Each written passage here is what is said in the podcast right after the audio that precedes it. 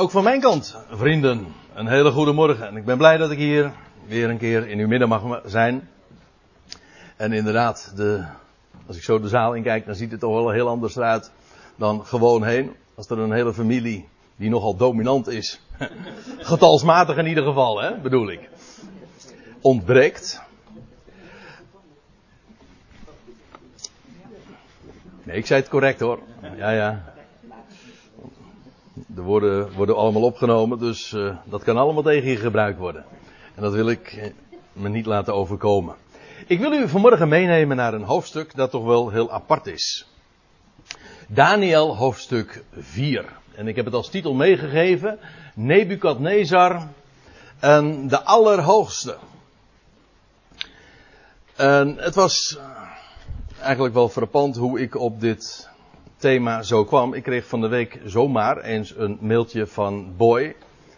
U allen wel bekend. En die had zojuist Daniel 4 gelezen. En de geweldige erkenning die Nebukadnezar doet over de Allerhoogste. Naar de ervaringen die hij heeft ondergaan en die hij had meegemaakt. En toen schreef hij mij van dat hij dat zo apart vond. De geweldige God die hij nu door alles wat hij had meegemaakt had leren kennen en erkennen. En daarmee bracht hij mij onbedoeld op een idee. Hij triggerde mij. En dat is de reden waarom ik u vanmorgen daar graag ook eens naartoe wil meenemen. Ondanks dat Boy hier zelf niet aanwezig is. Maar misschien dat hij het nog eens een keertje nabeluistert.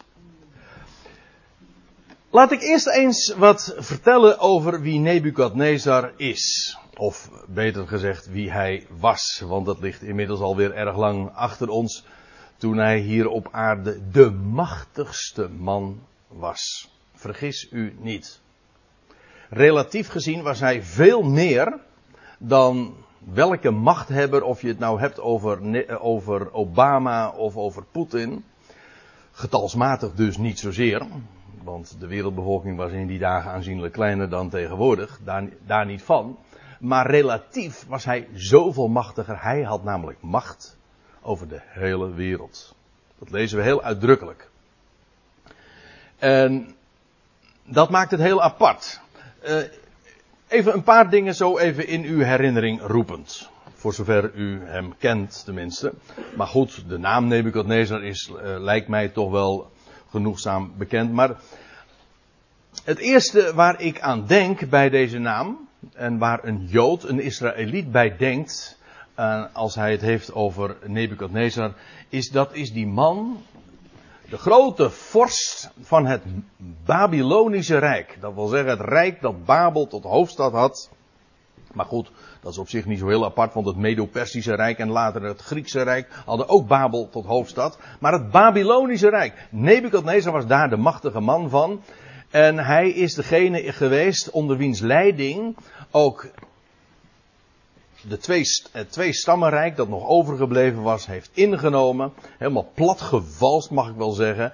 En Jeruzalem compleet verwoest heeft, verbrand heeft. De tempel ook helemaal met de grond gelijk gemaakt. En ja, dat wordt beschreven onder andere in 2 Kronieken 36. Uh, ja, 2 Kronieken 36.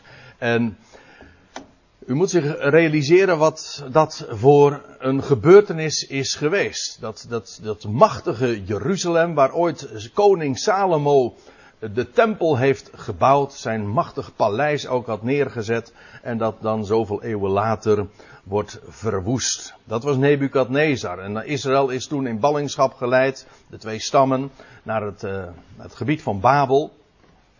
En 70 jaar later, zoals Jeremia ook voorzegd had, zijn ze teruggekeerd naar het land. En toen is de tempel ook weer eh, herbouwd.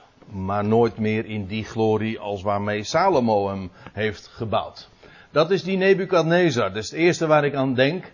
En uh, we kennen hem vooral als de man van het boek Daniel. Want Daniel, eh, pardon, Nebukadnezar heeft ook diverse deportaties uitgevoerd. Dat wil zeggen het Joodse volk gebracht naar het Babel. En een van de eerste deportaties daar is ook uh, de jongeling, een teenager toen nog, Daniel met zijn vrienden, zijn drie vrienden, naartoe gebracht.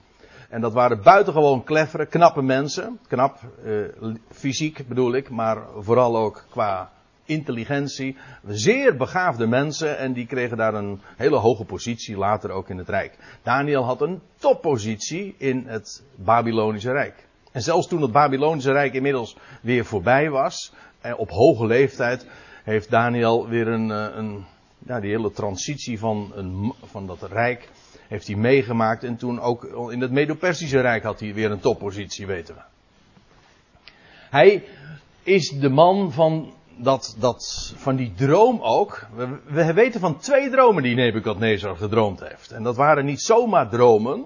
Dromen doen we allemaal, maar dit waren gewoon visioenen van Gods wegen. En in beide gevallen is het Daniel geweest die het geheim van die dromen heeft onthuld.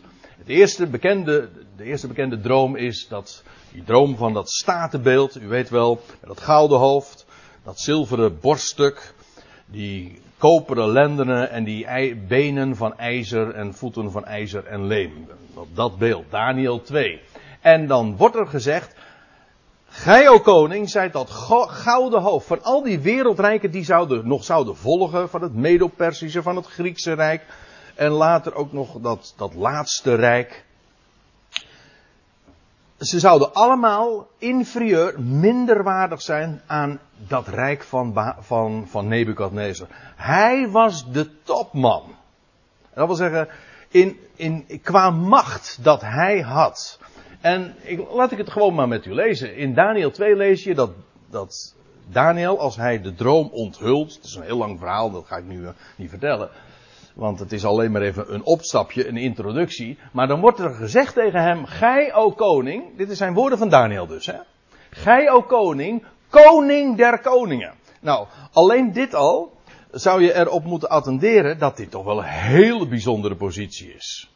Hij, van alle koningen die er zijn op aarde, is hij de overtreffende koning. De koning der koningen. En als u het hoort, dan, als ik aan u gevraagd zou hebben wie is de koning der koningen, dan zou u hebben gezegd dat is Jezus Christus.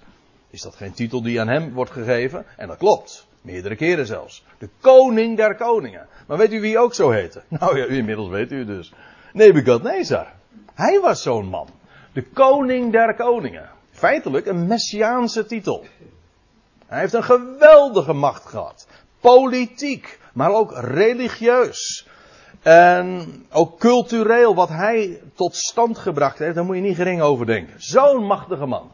En dan staat er ook bij aan wie de God van de hemel het koningschap, macht, sterkte en eer geschonken heeft.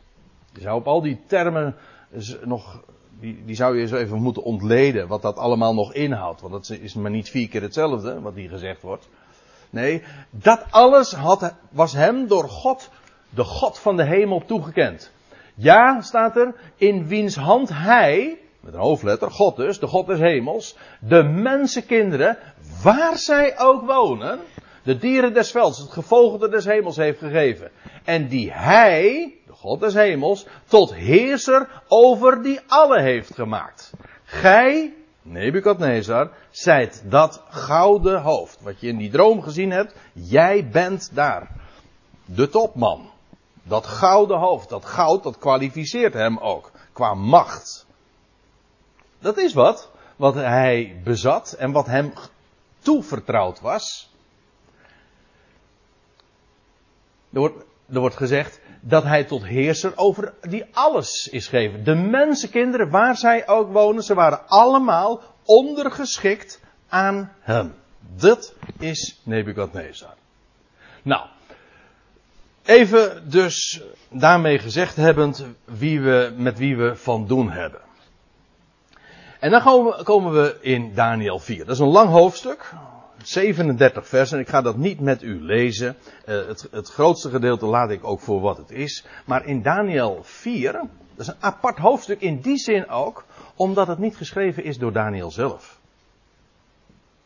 De ik-figuur is Nebukadnezar zelf.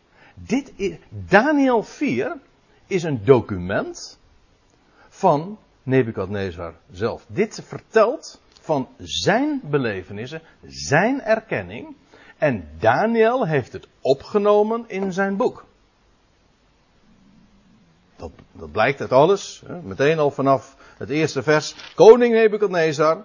Aan alle volkeren, dat wil zeggen, daar richt hij zich aan. Dus het is een officiële proclamatie. Eh, aan alle volkeren, natie en talen die op de gehele aarde wonen. Uw vrede zij groot. Het heeft mij behaagd. Mij, dat is Nebukadnezar. Dus het is een, het, dit hoofdstuk is dus een document van Nebukadnezar zelf. Nou, het is heel bijzonder. Alleen op die reden al.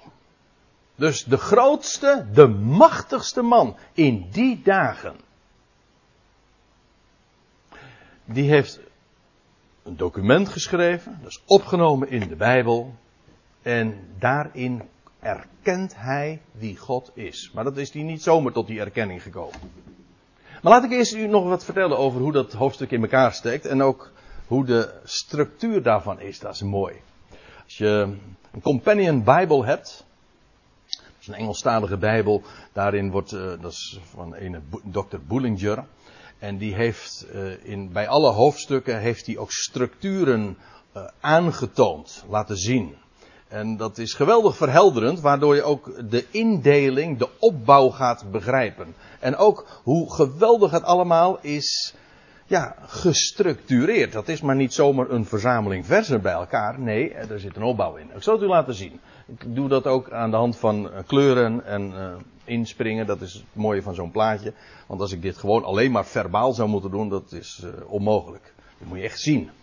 Nou, in de eerste drie versen, dat doet Nebukadnezar een proclamatie.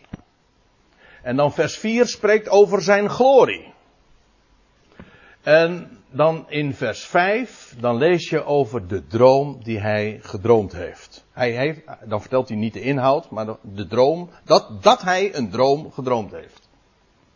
En dan in de navolgende versen tot 9, dan lees je hoe hij een uitlegging verlangt. Hij heeft een droom gezien en het was hem volstrekt helder dat dat een betekenis moest hebben. Dit was niet zomaar een droom, dit was een visioen. Alleen, die diende uitgelegd te worden en hij verlangde dat ook. En dan lees je in de vers 10 tot 17 dat die droom verhaald wordt. Wat, wat hij gedroomd heeft. En dan vervolgens, in vers 18, dat er een uitlegging vereist is ook. Hij laat alle, al zijn personeel, die hele hofhouding en de magiërs, alle intellect, uh, de, het, de intelligentia laat hij opdraven om, om die uitlegging te geven. In vers 19 tot 23 wordt dan de droom herhaald. U ziet hier de droom gedroomd, hier de droom verhaald, hier de droom herhaald. En dan vervolgens wordt in vers 24 tot 27 door Daniel de, uitlegging ook gegeven. De uitlegging verlangd, de uitlegging vereist, de uitlegging gegeven. En dan wordt in vers 28 tot 33 Nebukadnezar, Nebukadnezars vernedering verteld. Eerst zijn glorie en hier zijn vernedering. En tenslotte eindigt het weer waar het mee begon, namelijk een proclamatie, de grote conclusie van Nebukadnezar. En u ziet precies hier hoe het naar binnen toegekeerd is en hoe het is opgebouwd en gestructureerd. Schitterend. Maar dan nog eventjes dit. Kijk, Daniel is een uh, bekend personage, ik zei het al. Maar, en wat in de zonderschool zelfs uh, iedereen al weet. Ja, wat, welke geschiedenissen kennen we van Daniel? Nou, in ieder geval die van de leeuwenkuil. En, uh, en dat is waar ik het zojuist over had, die droom met dat, met dat, dat statenbeeld van dat gouden hoofd enzovoorts. Dat is ook redelijk bekend. Maar de droom die hier in Daniel 4 verteld wordt, die is veel minder bekend. En van Daniels, pardon, van Nebukadnezars vernedering. Want deze machtige man is de machtigste man ooit op aarde, is tot het diepst vernederd. Zeven tijden lang staat er. wat dat is geweest. Meestal wordt er uh, onder verstaan zeven jaar. Dat kan heel goed. Er zijn goede redenen voor. Maar het zou in principe ook gewoon zeven seizoenen kunnen geweest zijn. Of zeven weken of zeven maanden. Doet nu even niet de zaken. Zeven tijden. Het is eigenlijk een aandacht trouwens dat bekend is van Nebukadnezar. Dat wil zeggen uit buitenbijbelse bron, in inscripties in Babel gevonden, dat Nebukadnezar inderdaad een tijdje uit de running is geweest. Maar er wordt niet bij vermeld waarom een periode, een aantal jaren, meen ik, dat er in die inscriptie vermeld wordt dat hij niet geregeerd heeft.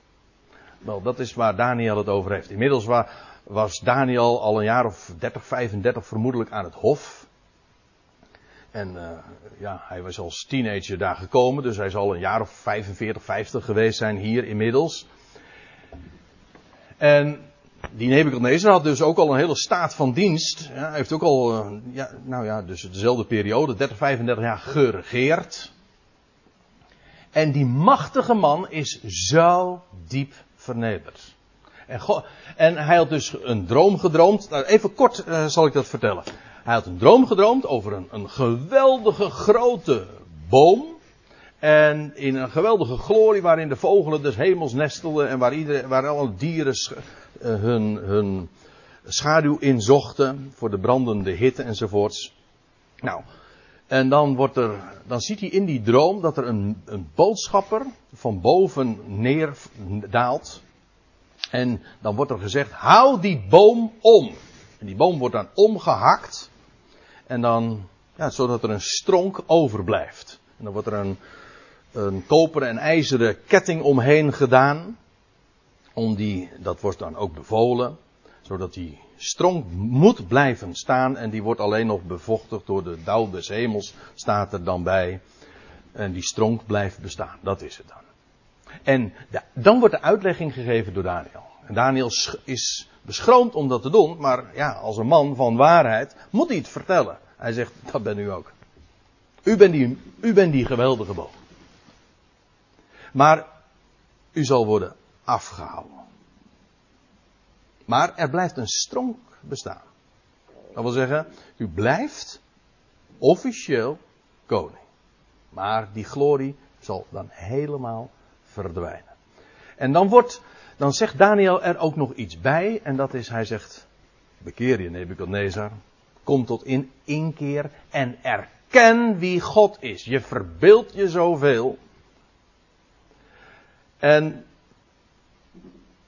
dan wordt dat gericht, die, die droom, die, de vervulling daarvan, die wacht nog een tijd. Twaalf maanden lezen we. Twaalf maanden heeft het nog geduurd voordat Nebuchadnezzar echt compleet gek werd. En hem werd een dierenhart gegeven, staat er. In de psychiatrie heeft dat ook nog een naam, ik ben het even kwijt. Hoe heet dat ook alweer? Oh ja, lycanthropie, zo heet dat. Dat je een dier wordt als een dier. En als een, als een, als een rund is die gaan, gaan grazen. Echt, moet, moet je je voorstellen. Zo'n machtige man die echt gestoord wordt. En het heeft, het heeft nog twaalf jaar geduurd, want, pardon, twaalf maanden geduurd, want toen was hij in zijn paleis en dan lees je dat hij dan over dat, dat die geweldige stad Babel heen kijkt de hoofdstad van de wereld. En dan, zegt, en dan zegt hij bij zichzelf of tegen de anderen: Zie het Babel dat ik gebouwd heb. En vanaf dat ogenblik, dan, gaat er, dan knapt er iets. Eigenlijk was, toen hij dat zei, was hij al gek hoor. Ja, dat is pure hoogmoedswaan. En daar kwam hij vervolgens achter. En zeven tijden lang is hij zo gek geweest. Dan je leest dat hij, eh, dat hij, ja, hij verbleef bij de dieren des velds. En als een dier gedroeg hij zich totaal zijn verstand was die kwijt. En hij werd ook helemaal niet meer verzorgd. Wilde die kennelijk ook niet. En zijn nagels die groeiden zoals de, hoe staat het er, als de arenden. Zo lang waren ze inmiddels. Dus enige tijd heeft dat toch wel geduurd. Nou, laten we ervan uitgaan dat het zeven jaar is geweest. Maar in ieder geval, zo is dat dus gegaan. En nou wil ik inzoomen vanmorgen op twee dingen. Namelijk op de erkenning van Nebukadnezar van de Allerhoogste. Eerst in die droom. Want in die droom, dan lees je dat, ik, ik vertelde dat zojuist al even, dat daar een boodschapper van boven neerdaalt. En dat die boom dan moet worden omgehakt. En dan staat er iets bij. En dan neem ik u mee naar vers 17. Hieronder ziet u de interlineair, zodat je dan woord voor woord kan zien wat er precies staat. Maar in elk geval staat er dan dit. En dan wordt namelijk ook de doelstelling aangegeven waarom Daniel, pardon, waarom Nebukadnezar dit overkwam. En dan staat er midden in dat vers 17, opdat de levenden mogen weten dat de Allerhoogste macht heeft over het koningschap der mensen. En dat is een heel centraal gegeven, want vier keer in dit Daniel 4 wordt dat zo gezegd. Ik herinner u eraan, dit wordt gezegd dus door Nebukadnezar. Hij heeft dit niet alleen gezegd, hij heeft dit opgetekend. Het is zijn verhaal. En de machtigste man, die verhaalt dit over de Allerhoogste. Kunt u zich voorstellen dat, dat nou ja, dan hebben we, we zitten hier in Den Haag, per slotverrekening, hè, dat Mark Rutte, of Willem-Alexander, uh, gewoon zo'n proclamatie doet. En, en, een speciale mededeling en de NOS erbij roept en zegt van ik wil wat gaan vertellen tegen het Nederlandse volk. Of dat president Obama dat doet. Of Poetin dat doet. Of noem ze maar op. Dat ze gaan, dit gaan zeggen. Maar dit, wordt dan, dit is dan nog een onderdeel van de droom. Eh, en dan staat op dat de levenden mogen weten dat de Allerhoogste macht heeft over het koningschap van de mensen.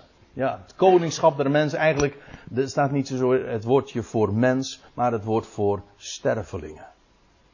Eigenlijk, dus in het koninkrijk van de sterveling. Gewoon, dat is wat wij zijn. En dat zet het prachtig ook neer, hè. De Allerhoogste. Ik kom daar straks op terug. De Allerhoogste, dat wil zeggen die alles overtreft. En wat is de mens? Nou, zo, hij wordt niet eens hier een mens genoemd. Er wordt hier een ander woord voor gebruikt. Een sterveling. Gewoon stof. Dat is wat Nebukadnezar met al zijn macht was. Juist dat vind ik zo prachtig.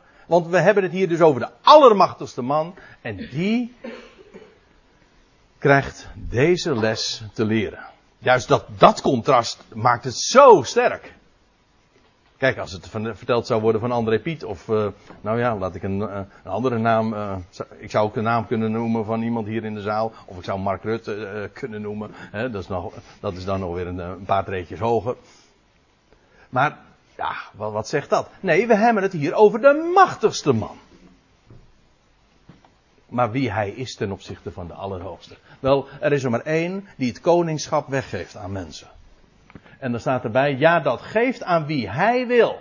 Ja, zelfs de nederigste onder de mensen daarin uh, aanstelt. Of eigenlijk gewoon ja, opricht, neerzet. Gewoon, jij mag je functie hier uitoefenen.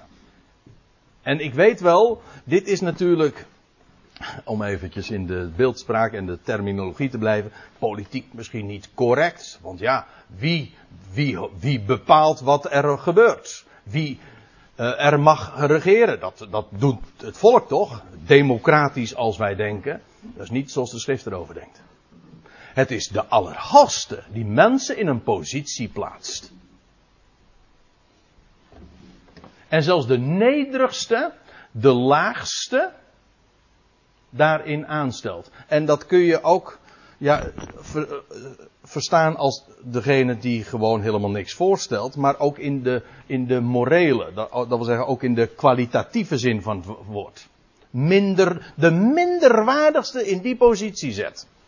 Dat als je het ook met uh, die oren beluistert, dan wordt het nog sterker als u het mij vraagt, want dat is precies wat politiek is. Het zijn niet de beste die daar zitten, hoog. Al, het loudt, ik bedoel, eigenlijk, dat weet de hele wereld toch? We zeggen dan van macht corrumpeert. Dat maakt je, dat verdraait een mens. Wat de macht met een mens doet, nou dat is niet veel zoeps. En niet, niet veel goeds ook. En alleen al het streven naar macht, dat is al zo fout. Hè? Aardse macht begeren. Als je in de Bijbel leest, weet je wie, wie, God, wie een man is naar Gods hart, dat is een, een schaapherder. Die helemaal niet de ambitie had om op de troon te zitten, maar die, die zorgde voor zijn kudde en daar omzag, daar, daarnaar omzag. Die een hart had. En juist omdat hij geen macht zocht, was hij geschikt om een koning te zijn. Dat is zoals God erover denkt. En wij, ja, hoe, wie zitten er, wie hebben de macht? Dat zijn degenen die die zich daar naar zo'n positie manoeuvreren. En zelfs daar gewoon uh, zonder problemen een, een, miljard dollar voor neertellen om daar dan toch maar te komen. Ik noem maar wat. En dat kan. Maar vergis u niet, als je in die positie bent, dan is het de Allerhoogste die dat zo jou geeft zelfs de nederigste onder de mensen daarin aanstelt. Je leest in Johannes 19, dan is de Heer Jezus, staat de Heer Jezus notabene. Dus de nacht dat hij wordt overgeleverd, staat hij voor, voor Pilatus. En dan staat, Pilatus zei tot hem, spreek gij niet tot mij? De Heer Jezus bleef maar zwijgen. Weet je niet dat ik macht heb u los te laten, maar ook macht heb om u te kruisigen? Nou, dat heeft hij diezelfde nacht ook nog bewezen. Weet je dat dan niet? Zegt hij tegen Jezus. En Jezus antwoordde: Je zou geen macht tegen mij hebben, indien het u niet van boven gegeven ware. En het loutere feit dat, pardon, dat Pilatus dit gedaan heeft, dat was naar de bepaalde raad en voorkennis van God. En ik citeer nou letterlijk wat Petrus op de Pinksterdag eh, op het Tempelplein vertelt. Naar de bepaalde raad en voorkennis van God. Dat is de Allerhoogste. En Pilatus die dacht eh, dat eigenwillig allemaal te doen, die macht te hebben. En de Heer Jezus zegt het hem.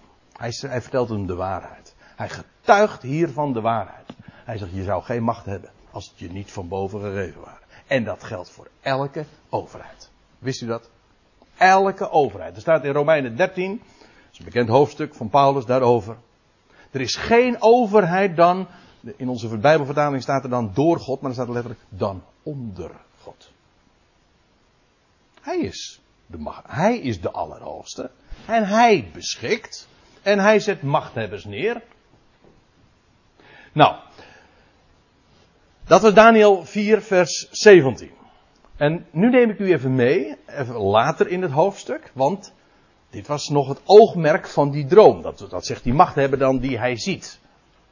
En later, dan lees je dat Nebukadnezar tot erkenning komt. Hij, ik zei al, zeven tijden lang is hij als een dier geweest. Hem was een dierenhart gegeven. Compleet gek. Gestoord. En dan lees je, na die zeven tijden, na verloop van de gestelde tijd, eigenlijk staat er gewoon aan het einde van de dagen, namelijk de dagen die God al van tevoren had gezegd, bij monden van Daniel. Na, tot aan het einde van de dagen sloeg ik Nebukadnezar, ziet u, het is zijn verhaal. Het is zijn hoofdstuk. Het is zijn, dit is zijn aandeel in de Bijbel ook sloeg ik Nebukadnezar mijn ogen op naar de hemel. Nou, dat is meteen al de goede kant. Hm? Moet je je voorstellen, hij at, hij at gras als de runderen. Dus waar keek hij altijd naartoe? Hij keek gewoon, dat is eigenlijk typisch de mens. Hè? De mens, hij kijkt naar beneden. Dan ben je trouwens niet echt mens. Een mens, dat wil ze eigenlijk zeggen. Ja, ik, ik blijf het herhalen. Een mens is een anthropos in het Grieks. Dat is eigenlijk iemand die naar boven, eh, naar omhoog gekeerd kijkt. Dat is eigenlijk wat een mens is. Maar wat doen de, mensen niet? Mensen kijken of naar beneden, of ze kijken naar elkaar, ze kijken naar zichzelf. Hè. Het is een selfie, hè. Ze zijn helemaal zichzelf uh, daarvan bezeten. En dat was Nebukadnezar ook. Het Babel dat ik gebouwd heb. En je zou zeggen, die man die praat met reden. Ja. Maar hij zegt, dit, hij zegt, ik was gek. Ik even met mijn eigen woorden. Hij zegt, totdat ik mijn ogen opsloeg naar de hemel. Ik keek ton de goede kant op. En mijn verstand keerde in mij terug. Ja, dat is namelijk verstandig. Ook, ik bedoel, symbolisch gezien. De, de diepere zin van die gedachte. En dan staat erachter, vers 34. Toen prees ik de Allerhoogste. Ik zegende de Allerhoogste. Weer die term, hè? De Allerhoogste. En ik roemde en ik verheerlijkte de eeuwig levende. De. Kijk, wat is er mis met deze wereld? Waarom heet deze wereld de boze Aion? Waarom? Omdat men God niet als God erkent. Het probleem is niet, nou noem maar op, de vluchtelingen of het terrorisme of de politieke spanningen in het Midden-Oosten. Noem het maar op. Dat zijn, dat is niet probleem. Dat zijn hooguit symptomen. Het punt is dit. Erken je God. Als God. Ik bedoel dus niet vaag religieus. Nee, God als de Allerhoogste, de beschikker van alles. En, en deze Nebuchadnezzar is door die diepe ervaring tot de erkenning gekomen. Het was een gericht ook voor over hem. Maar Gods oordelen, dat moet u weten. Gods oordelen hebben altijd een doel. Gods oordelen zijn nooit definitief of, of het doel zelf. Nee, ze zijn een middel tot zijn doel, opdat de mens tot erkenning zou komen. En deze Nebuchadnezzar heeft zeven tijden nodig gehad. En toen kwam hij tot deze erkenning. Toen prees ik de Allerhoogste en ik roemde en ik verheerlijkte de eeuwig levende. omdat zijn heerschap, de eeuwige, ja, en dat zegt hij, dat woord gebruikt hij dan ook in, vers, in het vervolg het vers omdat zijn heerschappij een eeuwige heerschappij is. Of eigenlijk, ja, dus de aion, de olam, omspannend. Eventjes de tegenstelling, hè. Het gaat hier over Nebukadnezar, de allermachtigste man op aarde, jawel. Maar wat is dat nou ten opzichte van de grote God, van wie hij het koningschap gekregen had. Voor een tijdje. En als die man zijn laatste adem uitblaast, nou, dan is hij niet meer. Er staat ook nog bij, en zijn koningschap is van geslacht tot geslacht. Dat wil zeggen, dat gaat de generaties door. De eeuwen inderdaad, de aionen omspannend. Ja, kijk, een sterveling, ook al ben je de machtigste man, ja, hoe lang kun je regeren? Hij regeerde inmiddels al een hele tijd, in een jaar of 30, 35 zoals gezegd. Maar langer dan een generatie gaat niet. Waarom niet? Nou, je gaat dood. Simpel. Een mens is een sterveling. Maar zijn heerschappij om, om ja, zo zingen we dat ook, hè? Zijn heerschappij omvat de loop der tijden. Een sterke hand die nooit heeft misgetast. Kijk, dat is God. God, de beschikker. En hij zet mensen neer. En het is Gods doel ook helemaal niet, want wij maken ons er druk over politiek. Ik zeg wij, maar ik bedoel gewoon de mensen in het algemeen, vele christenen. Weet u wat het is? God zet mensen neer. En wij kunnen klagen over dat er zo inefficiënt geregeerd wordt, of dat de, de, de machthebbers die falen en ze maken er een potje van. Ja, maar weet u wie die mensen daar, daar neerzetten? Denkt u dat het Gods bedoeling is dat denken mensen nog steeds. Ze zeggen van ja, die, uh, zijn de idealisten die maken dan, uh, vormen dan een beweging, want ze gaan de wereld veranderen. En het lukt niet. Je zou toch zeggen van ja, als je, de, als je toch eenmaal de touwtjes in handen daar in die politiek, dan, dan moet je er toch, dan moet je toch je idealen uh, kunnen realiseren. En, we, de mensen is er duizenden jaren mee bezig en we zeggen allemaal wat een potje maken ze ervan. Wat een zootje. Maar is, het is Gods bedoeling ook helemaal niet om in deze aion een mooie wereld ervan te maken. Dat klinkt, dat klinkt misschien vreemd in uw woorden, maar dat is gewoon zo.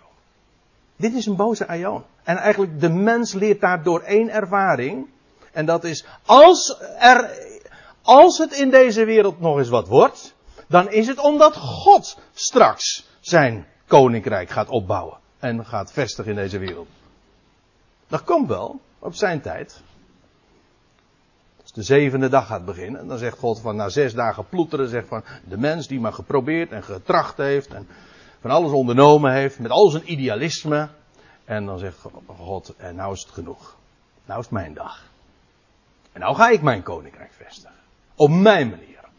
De koning der koningen, die wel inderdaad realiseert dat wat God voornemens is. Niet nu. Dit is eigenlijk alleen maar voorbereiding. Om, eigenlijk de mens die wordt getoond en gedemonstreerd en moet aan de lijve ondervinden dat hij het zelf niet kan. Duizenden jaren lang doen we die ervaringen op. En iedere keer denken we dat we het toch wel. Hè, wij gaan het nu anders doen. Wel, nee joh. Het is gewoon een herhaling van zetten. Het ene geslacht komt, het andere geslacht. Het ene geslacht gaat, het andere komt. En we proberen het weer. En, en de geschiedenis leert dat de mens niks leert van de geschiedenis. Zo was hij toch? Zijn koningschap is een, een, koningschap van geslacht tot geslacht. Hij zet de mensen neer. Hij is de allerhoogste. Ja, alle bewoners van de aarde die worden als niets geacht. Ja, dat is, ja, dat is heel ver. Dat gaat heel ver. Dat is Nebukadnezar, hè, die dit zegt. Ik, ik blijf het herhalen, want juist dat maakt het zo enorm veel zeggen. Er staat in Jesaja 40 dit. Dat lijkt er heel erg sterk op. Er staat er, er zijn woorden van Jezaja die een paar honderd jaar eerder leefde en dit optekende. Zie, volkeren zijn geacht. Denk aan al die miljarden mensen. Zie, volkeren zijn geacht als een druppel aan een emmer. Als een stofje aan een weegschaal. Hier wordt dus niet het individu besproken, van u of ik. Nee, al die volkeren bij elkaar. Al die miljarden mensen die zijn een, een druppel aan een emmer en een stofje aan een weegschaal. Weg.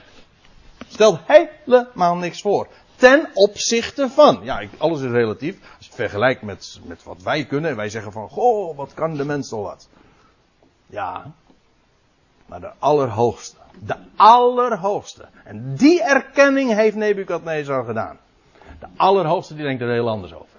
Weet u hoe het in zijn perceptie is? Nou, alle volkeren zijn geacht als een druppel aan een emmer, als een stofje aan een weegschaal. Zie, eilanden zijn als fijn stof dat uitgestrooid wordt. Kun je zich voorstellen? Ik laat even wat over en dan in vers 17. Er staat, alle volkeren zijn als niets voor hem.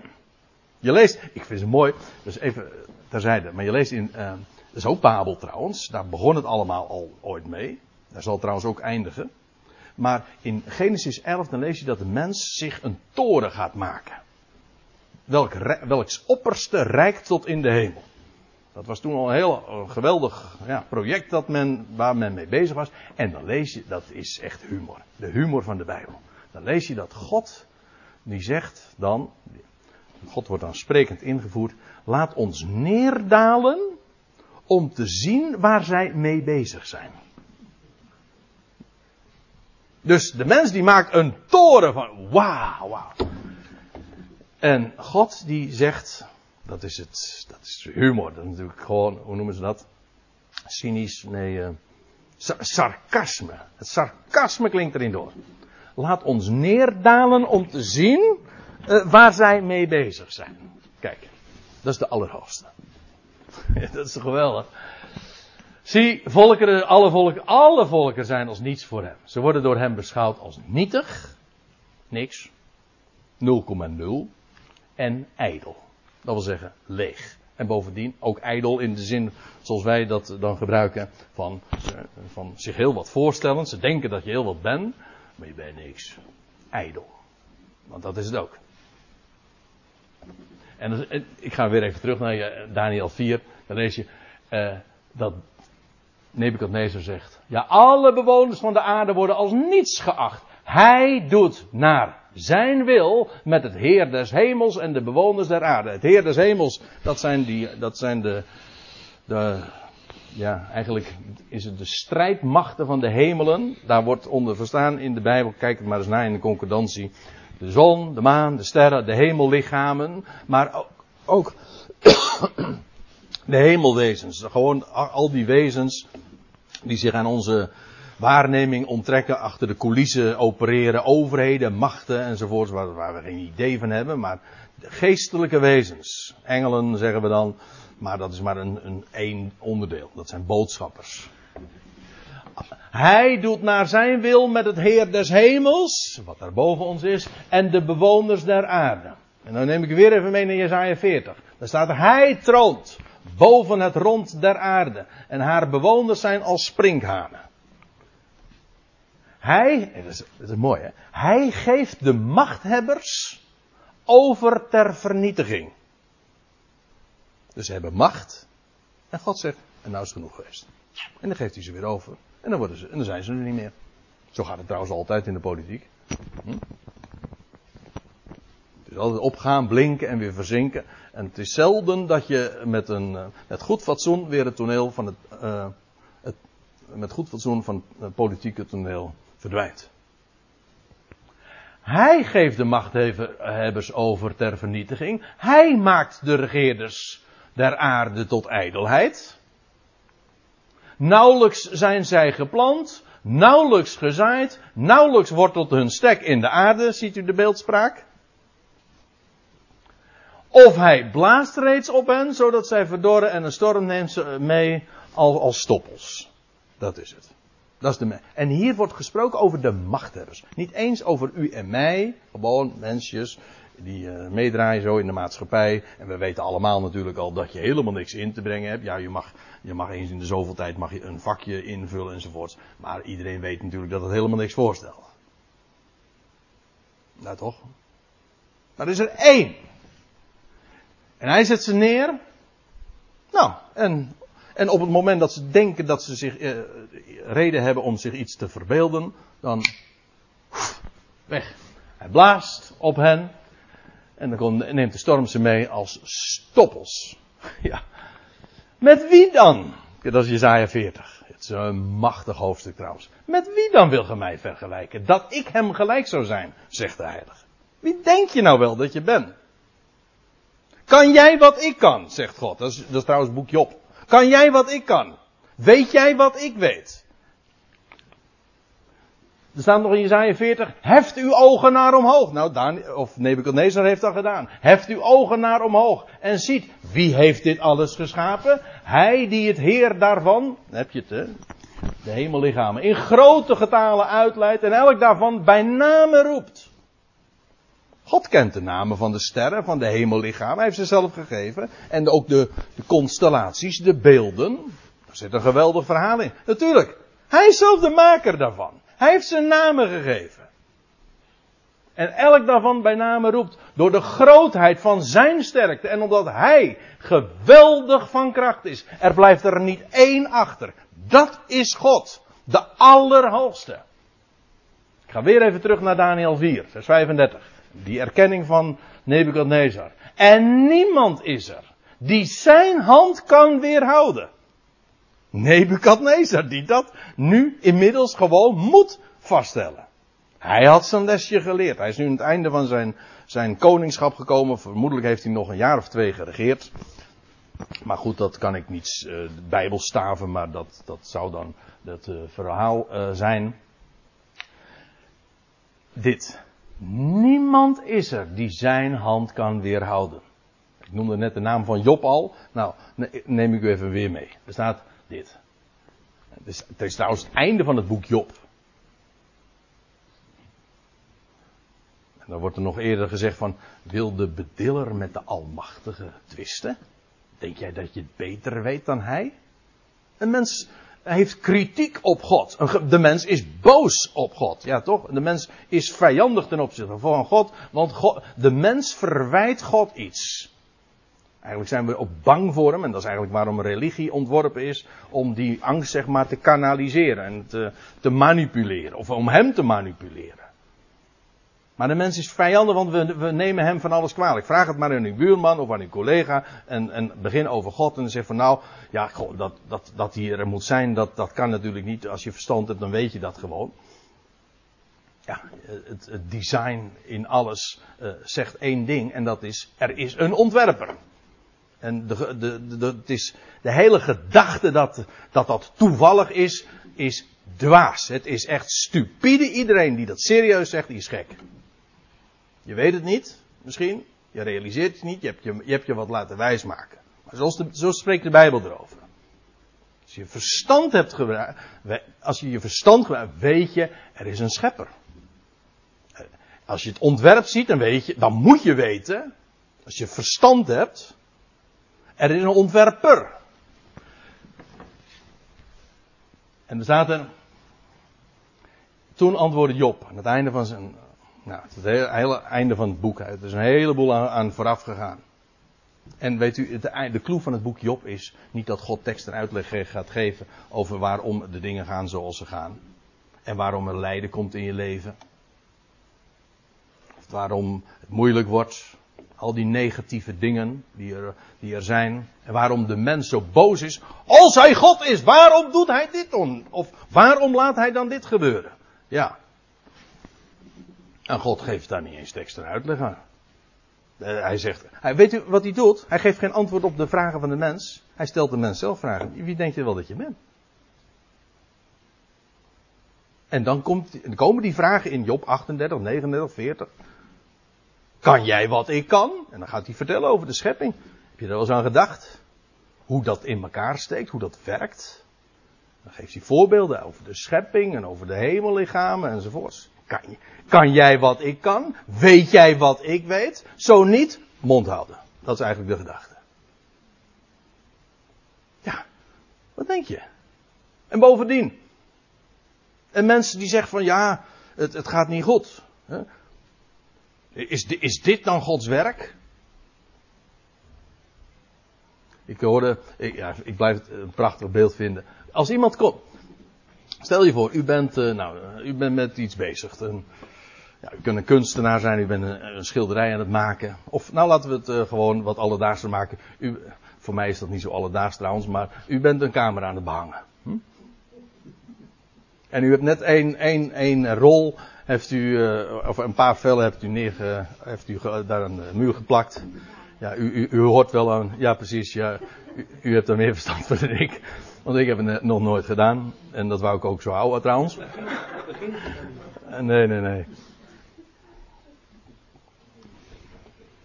Maar, nou heb u één baan eh, daar geplakt en er komt iemand binnen, een familielid, en die zegt van, goh, ik vind die kamer helemaal niet mooi hoor. Wat zegt u dan?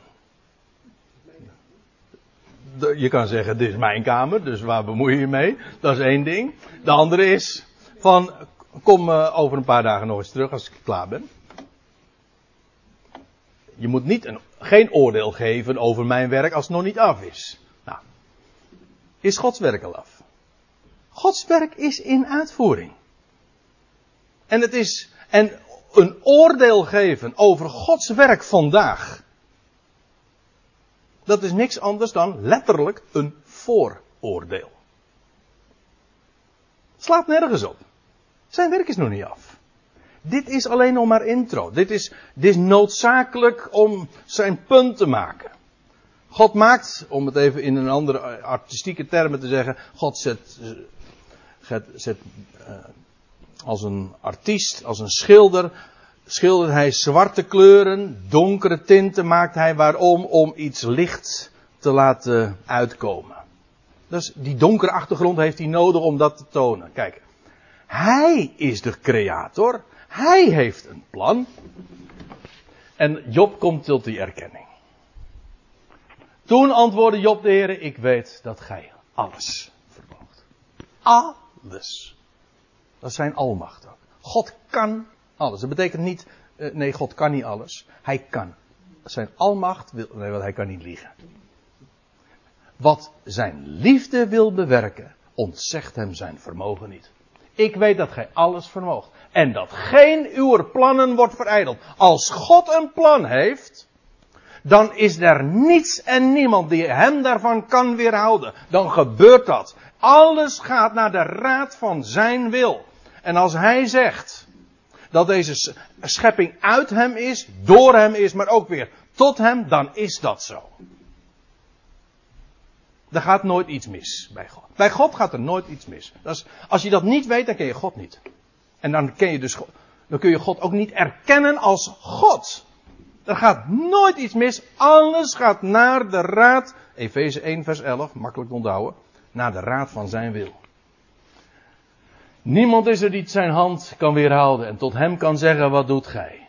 Ja, daar wil ik dan ook inderdaad mee afsluiten. Want dit is wat, ja, de geschiedenis gaat nog even verder in Daniel 4. Maar niemand kan tot zeggen, wat doet gij? Hem ter verantwoording aanroepen. Ja, en dan kom ik onwillekeurig bij Romeinen 9 uit. Waar Paulus dan ook, uh, ja, zijn uit, een uiteenzetting geeft. Dat gaat trouwens over een andere machthebber. De farao in de dagen van Mozes. Hm? God die had gezegd van, tegen farao, bij monden van Mozes, laat mijn volk gaan. Maar God had dat tegen Mozes gezegd, een van zijn intimi. Hij gaat dat niet doen. En op het moment dat hij onder de druk van de, van de plagen gaat bezwijken, dan ga ik zijn hart versterken en verharden. En, nou ja, goed, als Paulus dat dan zo uiteenzet, dan voelt hij de, de opponent al, de tegenspraak, de protest al opkomen. En dan zegt gij zult nu tot mij zeggen, wat heeft hij daar nog aan te merken? Als God dat zelf allemaal gewoon in zijn plan heeft neergezet. En dat die farao zo deed en weer, God weer stond. Ja, dan gaat het toch allemaal volgens zijn plan. Gij zult nu tot mij zeggen, wat heeft hij daar nog aan te merken? Want wie weerstaat zijn ja, ik heb wil, dat staat in uw vertaling, staat er echt niet. Kras het door, staat niet wil. Dus Farao weerstond Gods wil. Gods wil was hartstikke duidelijk voor hem. Laat mijn volk gaan.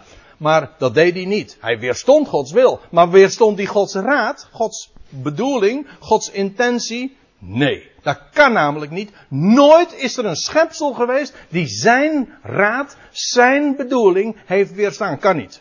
Wat een mens ook doet, het is altijd naar de raad van zijn wil. Er staat in Spreuken 16. Dat God, dat God heeft alles gemaakt voor zijn doel. Alles. En als je dan denkt, ja, alles.